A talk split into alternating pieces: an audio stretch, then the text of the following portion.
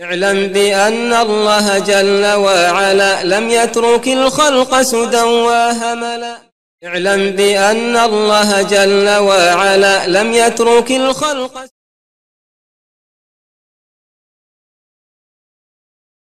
بسم الله الحمد لله الصلاة والسلام على رسول الله. استعين بالله لا حول ولا قوة إلا بالله. اللهم لا سهل إلا ما جعلته سهلا وأنت تجعل الحزن إذا شئت سهلا. اللهم أرنا الحق حقا وارزقنا اتباعه وأرنا الباطل باطلا وارزقنا اجتنابه. ولا تجعل الحق ملتبسا علينا فنضل. اللهم آت نفوسنا تقواها وزكها أنت خير من زكاها أنت وليها ومولاها برحمتك يا أرحم الراحمين. اللهم ربنا لا تزك قلوبنا بعد إذ هديتنا وهب لنا من لدنك رحمة إنك أنت الوهاب. اللهم يسر ولا تعسر اللهم بارك وتمن بالخير أما بعد Sva hvala, zahvala i pohvala pripadaju Allahu, gospodaru svih svjetova, svemilosnom, samilosnom, vladaru sudnjega dana. Samo njega obožavamo, samo od njega pomoć, oprost i uputu tražimo. Jer koga Allah uputi napravi put, tome nema zablude. Koga Allah u zablude ostavi, njemu nema ni pomagača, ni upućivača. Zato svjedočimo da nema drugog Boga sam Allaha, savršenog gospodara, koji jedini ibadet zaslužuje i u tome nema sudruga. I da je Muhammed sallallahu aleyhi ve sallame Allahov rob najbolji, njegov poslanik i vjerovjesnik posljednji, koji je dostavio poslanicu onako kako mu je naređeno, koji je ustrajao na onome što mu je naređeno, osaborio na onome što mu je određeno, zahvalan bio na onome čime je počašćen i iskušan. Najboljem učitelju, najpravednijem vladaru, najhrabrijem borcu, najboljem suprugu. Neka je Allah milost, spas, salavat i salam na njega, njegovu porodicu, njegove ashabe i na svakog onog vjernika koji želi da se da krene i da se drži puta Kur'ana i Sunneta Rasulnjeg dana. A zatim došli smo do narednog poglavlja u knjizi Tevhida, dijelu koji govore o onome zbog čega smo stvoreni i koji, koji je sadrži stotine pitanja bitnih za jednog muslimana. Poglavlje ma ja'a fi himayati al-Mustafa sallallahu alayhi wa sallam janad at-tauhid وسده كل طريق يوصل إلى الشرك. Kaže o dokazima kojima se dokazuje ili koji govore o tome kako je Mustafa sallallahu aleyhi ve sellem, a to je jedan od naziva i imena poslanika Muhammeda sallallahu aleyhi ve sellem, čuvao ogranke tevhida i kako je zatvarao sve pristupe i puteve koji vodi ka širku. Pa će spomenuti šejh svega tri dokaza.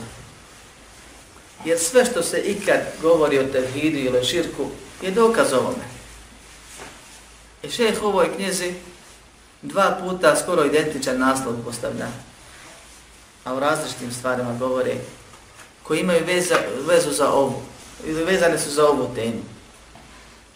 Ovdje govori o praktičnom čuvanju ili o praktičnim dijelima koja mogu da naruše tevhid čovjeka Pa poslanik sallallahu alejhi ve sellem na njih upozorava.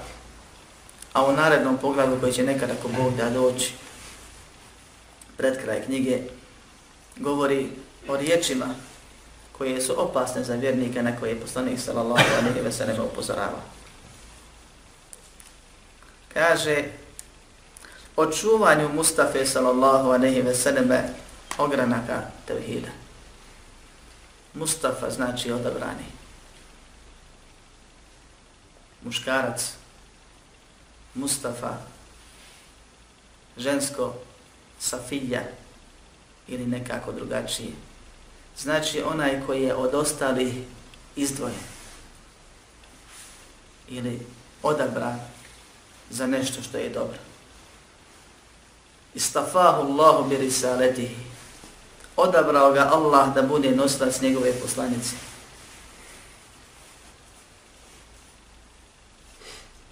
Poput mnoštva onih prije njega.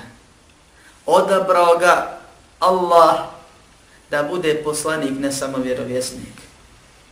Odabrao ga Allah da bude od odlučnih poslanika sa još samo četvoricom.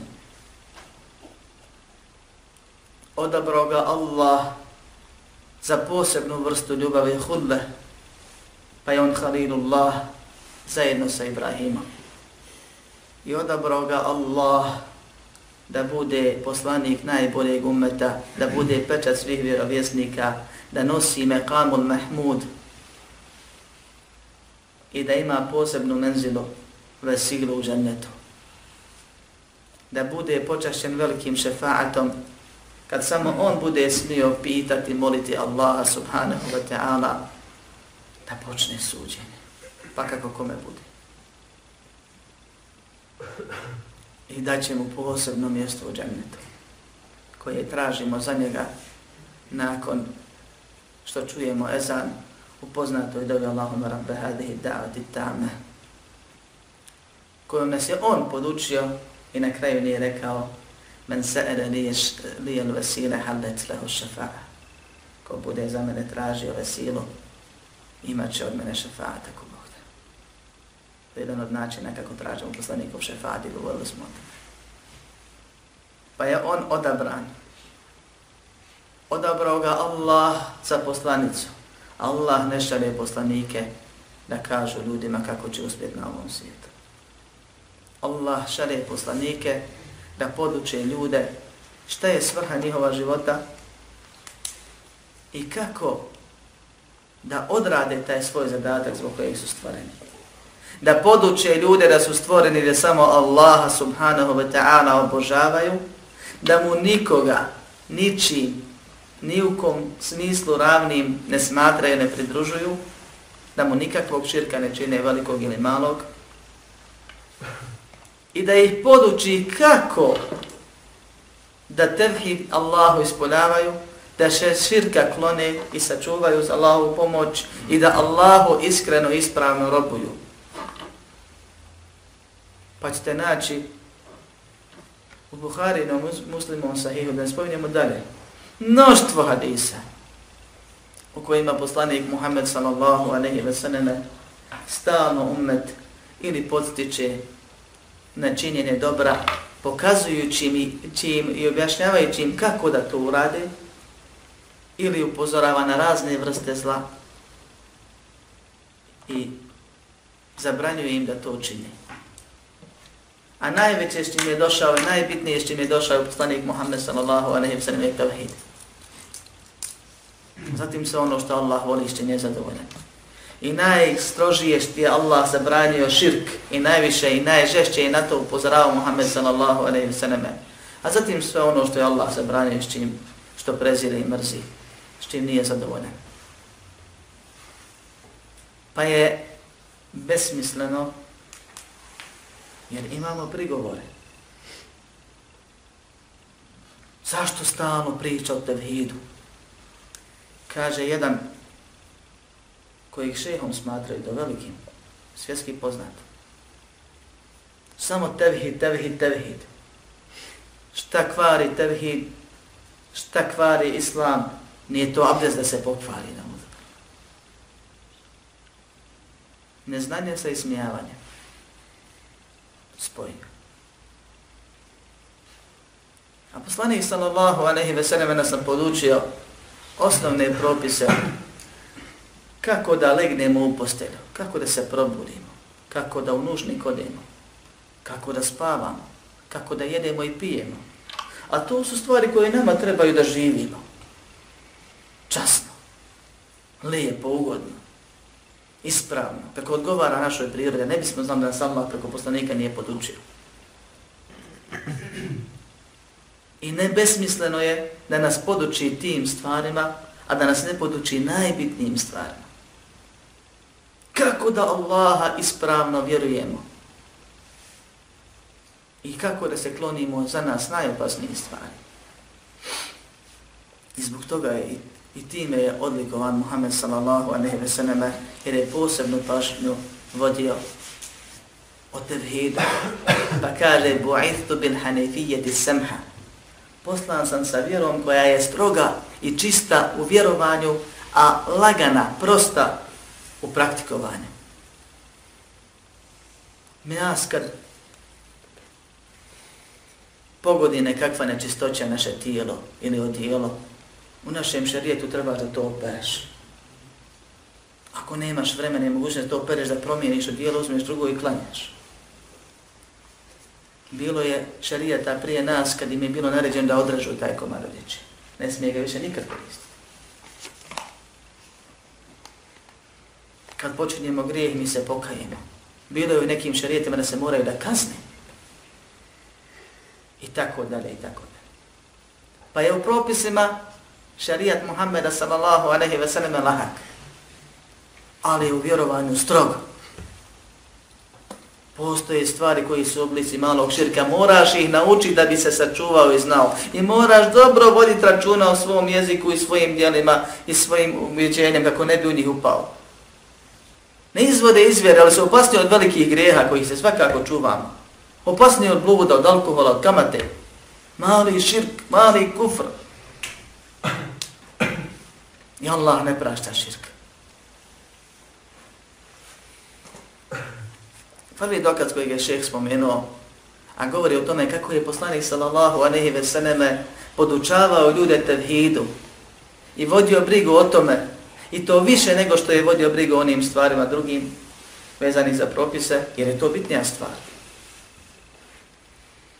Je su riječi Allaha subhanahu wa ta'ala u opisu Muhammeda sallallahu anehi ve seneme لقد جاءكم رسول من أنفسكم عزيز عليه ما عنتم حريص عليكم بالمؤمنين رؤوف الرحيم Došao vam je poslanik, jedan od vas. Onaj koga poznajete. Znate njegovu iskrenost, znate njegovu čednost, čestitost, poštenje. Znate da nije lagao prije Islama. Ne laži vam nisam. Nije nikome zlo radio ni želio prije Islama.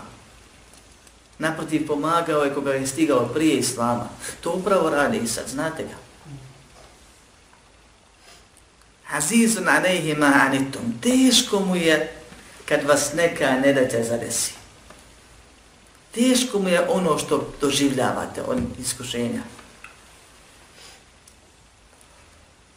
A kad je nekome, kad neko nekome, kad neko ne voli da se nekome desi zlo i belaj, bude opisan ovim riječima.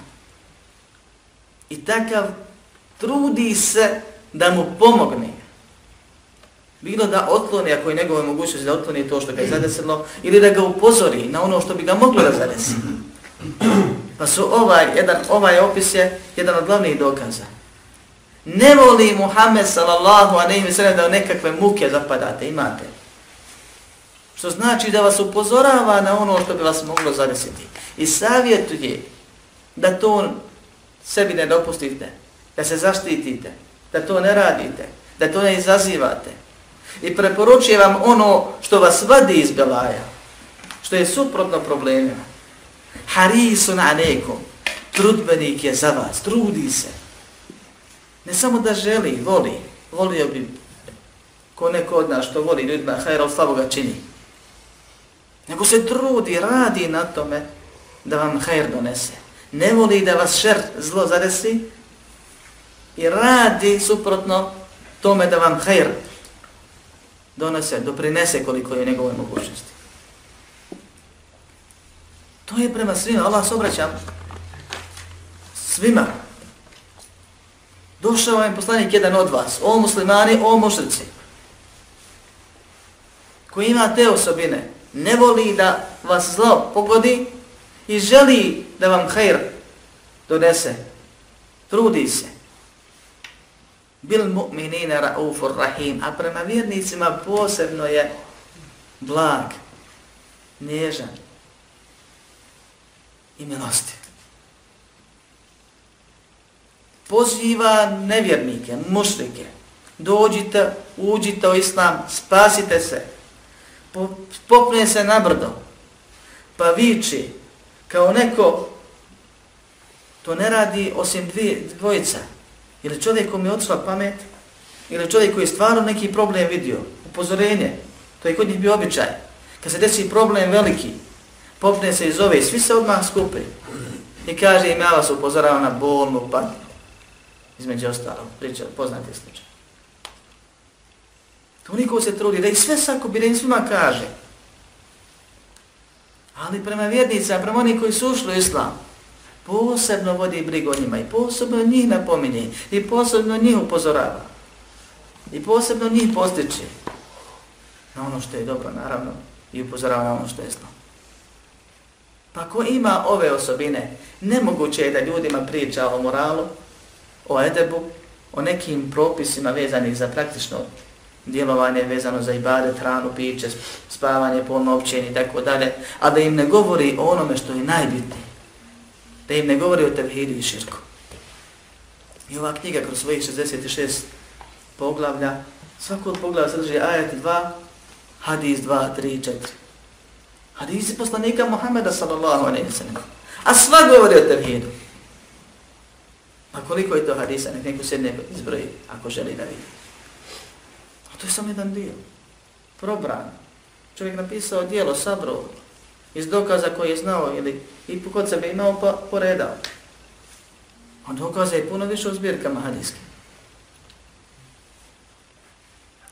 Od Abu Hurere se prenosi da je Allahov poslanik Muhammed sallallahu aleyhi ve sellem rekao jedan od primjera kako poslanik sallallahu aleyhi ve sellem štiti ogranke tevhida. Što bi mi rekli zidove tevhida, kao da je tevhid jedna tvrđava pa ima svoje zidove. A ti zidovi imaju posle svoje prilaze. Pa će nam doći pogled o tome kako je štitio prilaze širku. Ili pristup tevhidu, da se ne naruši nikako. Ovdje govori o stvarima koje već vode u širk, ali nisu širk. Ili mogu biti mali širk, dakle način je, nagriza tevhid, ali ga uništava u potpunosti. Pa nas na njih upozorava. I zato kaže ogranke tevhida, ogradu tevhida. Kaže poslanik sallallahu alejhi ve sellem: "La taj'alu buyutakum qubura." ولا تجعلوا قبري عيدا وصلوا علي فإن صلاتكم تبلغني haythu kuntum." Nemojte od svojih kuća praviti kaburove, groblje, mezarije i nemojte od mog kabura praviti neku svetkovinu i nemojte, odnosno i donosite često salavat na mene, sallallahu alaihi wa sallam. I zaista vaš salavat mi stiže gdje god se nalazi. Ovdje poslanik sallallahu alaihi ve sellem u ovom hadisu postiče, zabranjuje i podučava. Postiče na činjenje onoga zbog čega smo stvoreni. Zabranjuje ono što može da nam šteti našem vjerovanju i ubjeđenju i da naruši naš tevhid. I podučava nas jednoj novoj informaciji koja je zamjena za ono što je zabranio ili što bi ljudi mislili da treba raditi. S istom namjerom hoćeš, evo ti rješenje, alternativa. Pa kaže, nemojte od svojih kuća praviti kaborane. Poznato je da se muslimani zakupavaju u svojim kućama, nego u mezari. Pa niko ne radi tu stvar. A kad bi radio, svakako ne bilo ispravno da se kopa u svojoj kući, bez razloga nekog posebnog nego kako se od kuća pravi mezaristan, groblje. tako što se ne klanjaju na file u kućama. Tako što se ne uči Kur'an u kući. Tako što se kuće ne oživljavaju zikrom. Glavne stvari na koje učenjaci u komentaru kažu klanjanje na fila i učenje Kur'ana.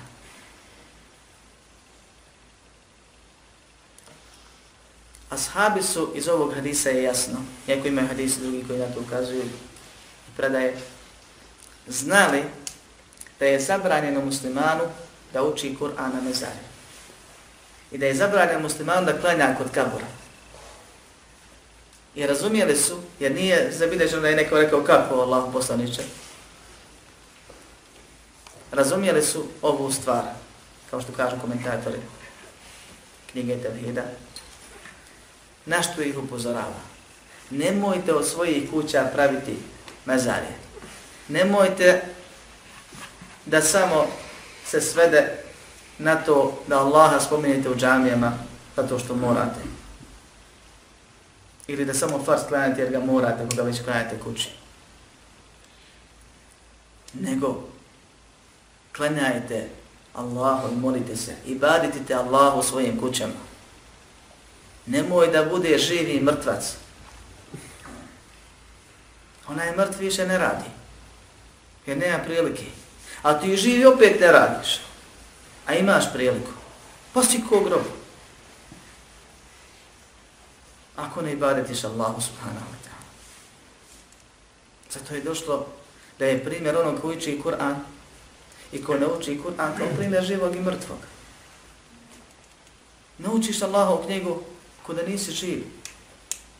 Što bi mi Bošnje rekli, džaba živiš. Ne obožavaš Allaha, ne znaš što se živi. Jer da znaš radio bi. Bolje da nisi nikako. Jer onaj ko nije stvoren, ako ne bude stvoren, neće biti ni proživljen, ni pitan. A ti se već stvoren, nemaš izbora. Pa moraš da robuješ Allahu subhanahu wa ta'ala. Pa nemoj da bude živi mrtvac.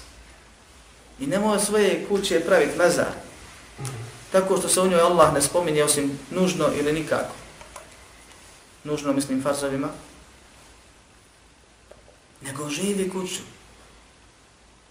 I badetite Allahu. Nemojte od svojih kuća praviti mezari. Ne znaš učiti Kur'an, nauči. Tri dana je dovoljno, vjerujte. A i 33 nije problem ako treba. I uči. Nemoj biti mrtav. Klanjaj, moli se, zikri. Zauzeci, zikri. Džennetu imaju doline. Predviđene za sađene dženevskih voći još dok si na dunjavku. Palmi. Subhanallahi nazimu bihamdihi je zikr kojim se sadi. Živi cijeli život, nemaš ni jedne palme u. Uđeš u džennet ono ledina. Pa ti se pripremaš za džennet. Jer gresma se svakako priprema za džennet. Allah u džennetu stvorio meleke. Zidare, tesare, klesare i ostale. Posao im je jedini koji grade. da kad musliman zikri, oni grade njegove dvorce. I ostale stvari. Zauzet si fizičkim poslom, jezik ti nije zauzet. Zikri. Spomini Allah. Dođeš kući, zikri. Uradi ono što kaže poslanik Muhammed sallallahu alaihi wa ashabu, nek ti jezik stalno bude vlažan od spominjanja Allah. Možeš, radi i gradi za ono što, za što se nadamo da ćemo ući vječno ostati. A ne mora da ti bude tamo malo, Jesi ti malo radio. Privređuj, treba će ti. Vola teđanu kabri ida. I na osnovu ga spilo koja druga. Mogućnost da se sevap zaradi, insan treba da iskoristi. Da ne bude živa mrtav. kaže i nemojte odmah pra, kabura praviti id. Id se najčešće prevodi kao praznik ili svetkovina. Po definiciji to je ono što se periodično obilazi i ponavlja. Od ajda jaudu, što znači vratiti se. Poput Bajrama, poput Ramazana. Kaže, nemojte odmah u kabora praviti tu stvar. Nemoj sebe obavezat, moram svake godine otići posjetiti kabor posle neke salom, jer sam dlako su daleko negdje. Ili moram, kad, ako je bliže svaki mjesec ili svakog petka, ili moram s vremena na vrijeme ići da posjetim kabor poslanika sallallahu alejhi wa sallam. Jer je to stvar koja vodi u pretjerivanje po pitanju kaborova, o kojemu smo već govorili. I to je haram stvar. I Allah je zabra, zamijenio sve praznike i sve obilježavanje kod muslimana sa dva dana. To su praznici koji se vraćaju i dao nam jedan mini praznik džumu koja se ponavlja s vremena na vrijeme. A ostalo, ne smijemo uvesti nikakav sebi. Poslani sam sve upozorao na ono što nam može da šteti. Ako ne tebi, koji imaš neki nijet za kojeg misliš da je dobar, a šeitan ti ga prikazao kod dobri, možeš biti loš primjer drugome koji ne razumije što ti ideš. Možda čovjek misli, znam ja detalje o tevhire, idem ja samo da poselamim. Idem ja samo da salavat donosim i tako dalje kaže poslanik sam sebi, donosite salavat na mene. Jer mi to do, stiže, te bluguni, stiže mi. Ne čuje on. Nego mu donose meleci koje Allah samo s tim ciljem stvorio. Da slušaju kad ko, ko izgovori salavat i salam na Muhammeda, alaihi salatu wasalam i da mu donesu. Najbrža, brža posta na svijetu. kaže i to mi stiže gdje god da ste. I to je ključna riječ. Ne dolazi kod mene. Kod mu kabura periode što da bi sine da bi me poselamio. Ili da bi kod mene dovio. Ili da bi kod mene klanjao na file i Kur'an učio. To u kući radi. nema od kuće mezarje praviti. I donosite salavat i salam. To mi stiže gdje god da ste. Nema potrebe da dolazite.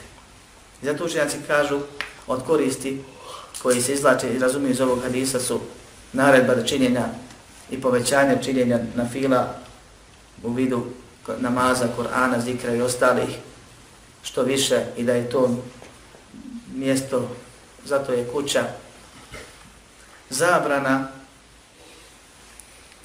često periodičnog posjećivanja kabura Muhammeda sallallahu aleyhi wa sallam i dio će neka da ne treba nikako ići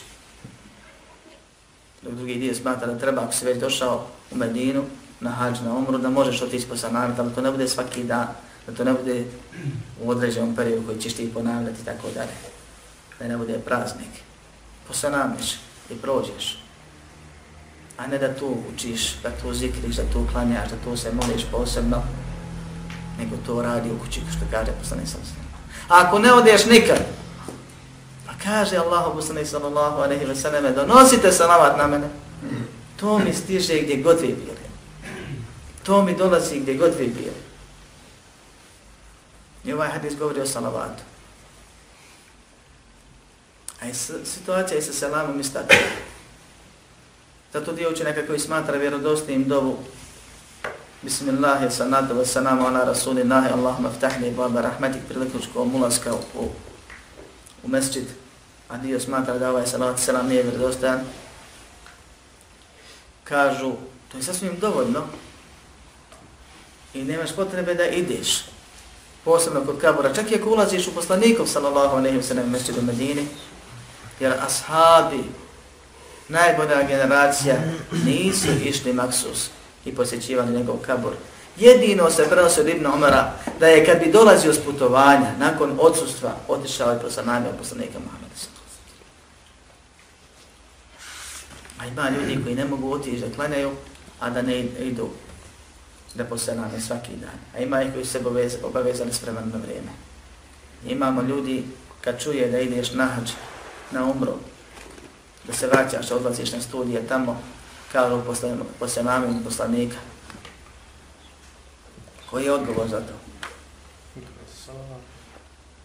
Ili u redu to da prihvatiš? Možda i sam po sebi. Kažeš mu posle mami ti prije će stići. No Allah meleki, on odmah dostavlja. A ja dok odem tamo i uradim to, to svakako nije propisano, neće biti primjer ni meni. Dok ti, ako kažeš, sallallahu alaihi wa sallam, Allahumma salli ala Muhammed, ala Muhammed, skraćen ili do kraja salavata poznati, to će da stigne njemu odmah. A tebi se seba piše odmah, ako se iskren. Pa će ti on iz Berzaha da odgovori.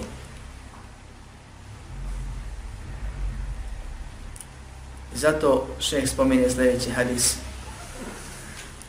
Od Alija, Alije, sina Huseinova, a Husein je Husein radijallahu anhu sin Alije ibn Abi Taliba. I ovaj Ali je jedan od najboljih tabina, zvali su ga Zain al-Abidin.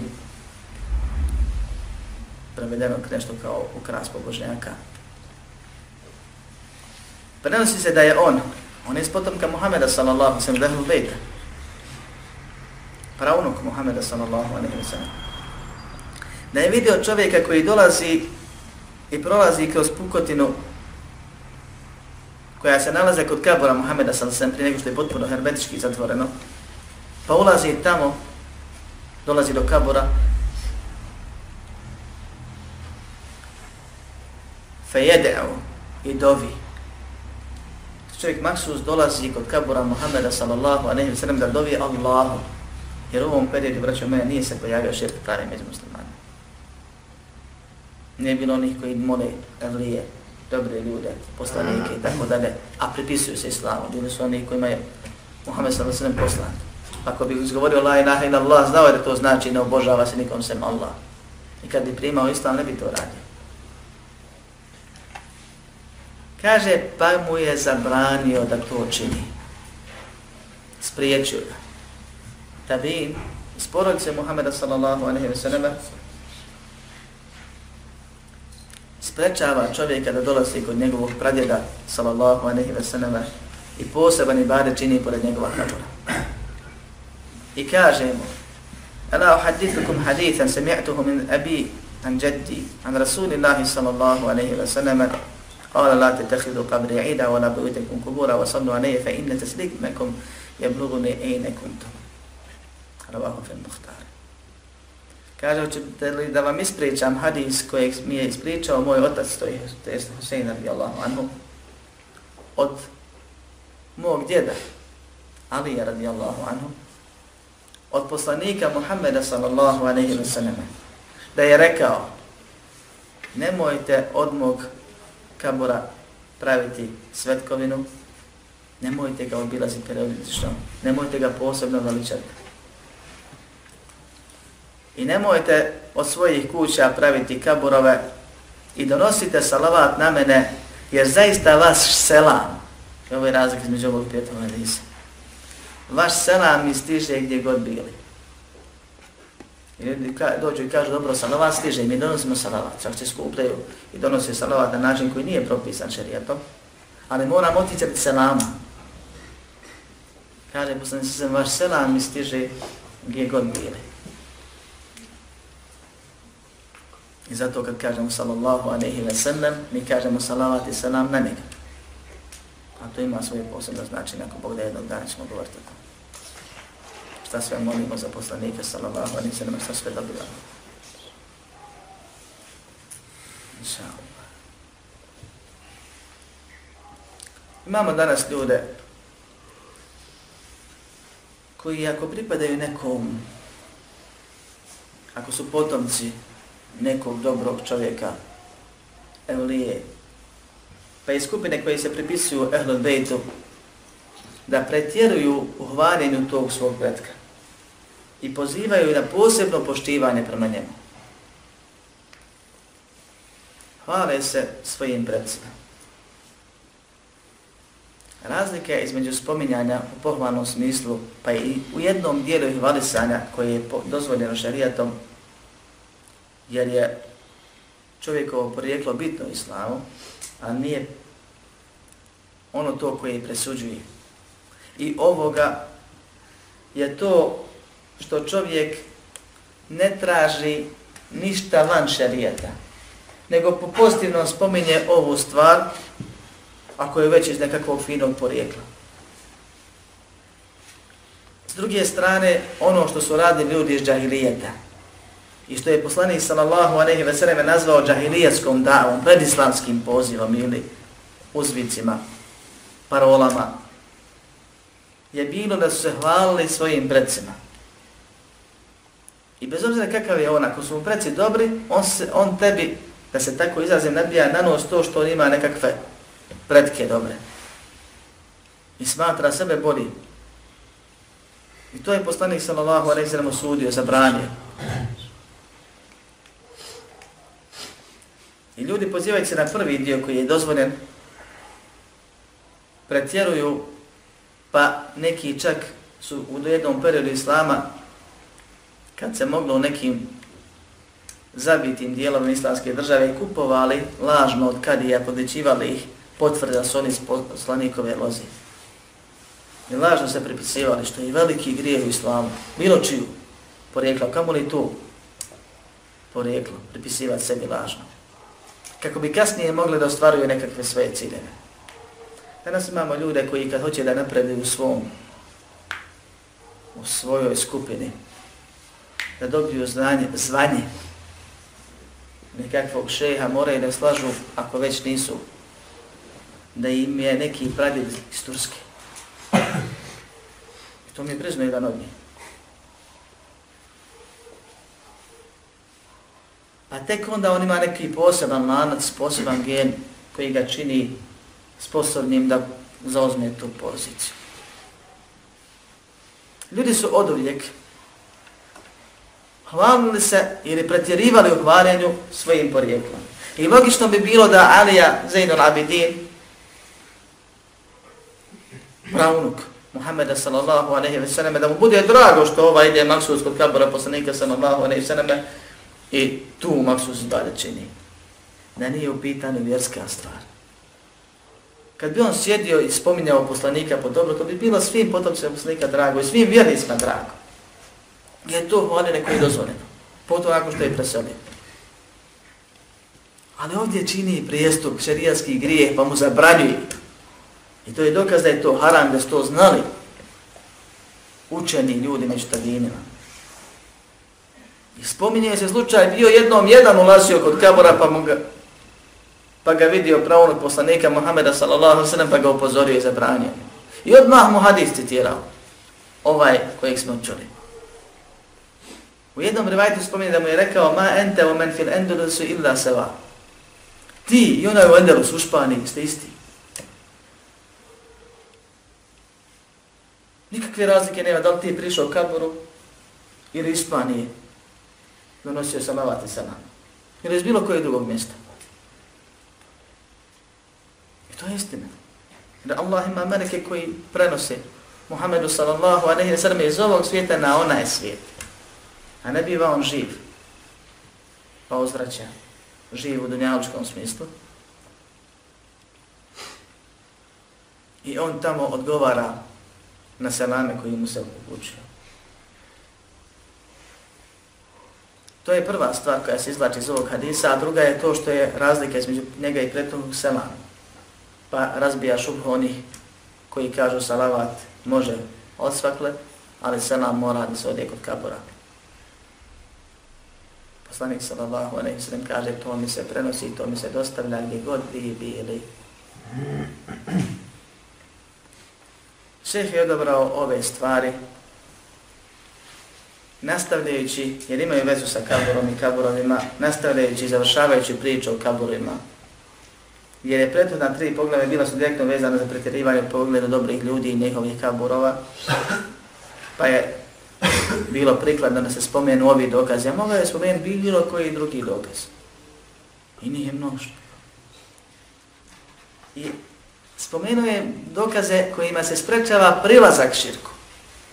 Jer ako ne trebaš ići kod kabura posebno, kako ćeš ga veličat, kako ćeš upast u to da vremenom osjetiš ono što osjećaju oni koji zavedeni bivaju, pa poslije iz tog straha poštovanja počinju da vjeruju nekakve bajke i da rade neke stvari koje ih vode kasnije u širka. O čemu smo govorili? On kaže, nemojte dolaziti. Nemojte ciljano dolaziti.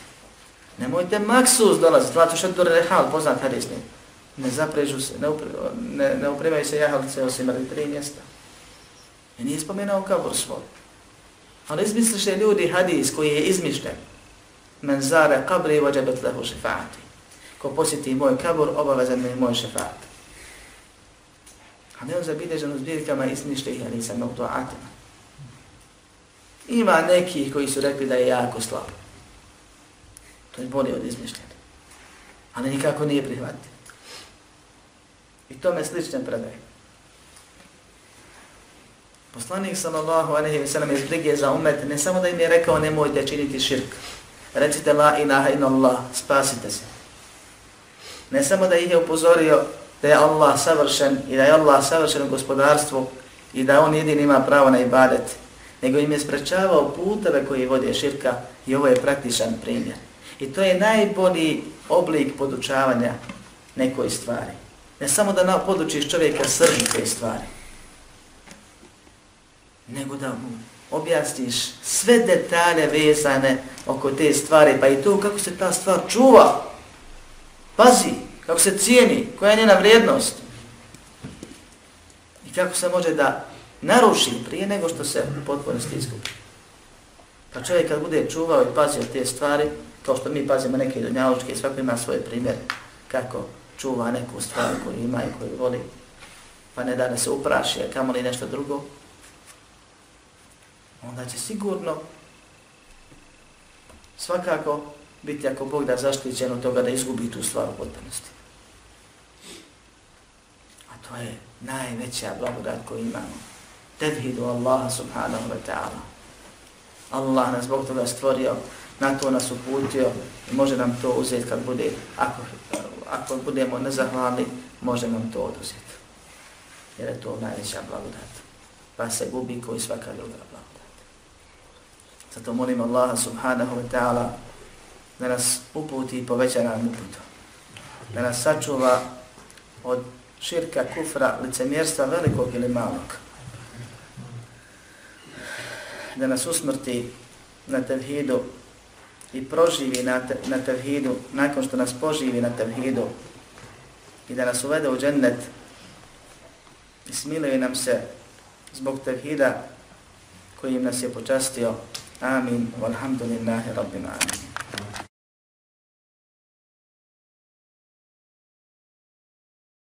اعلم بأن الله جل وعلا لم يترك الخلق سدى وهملا.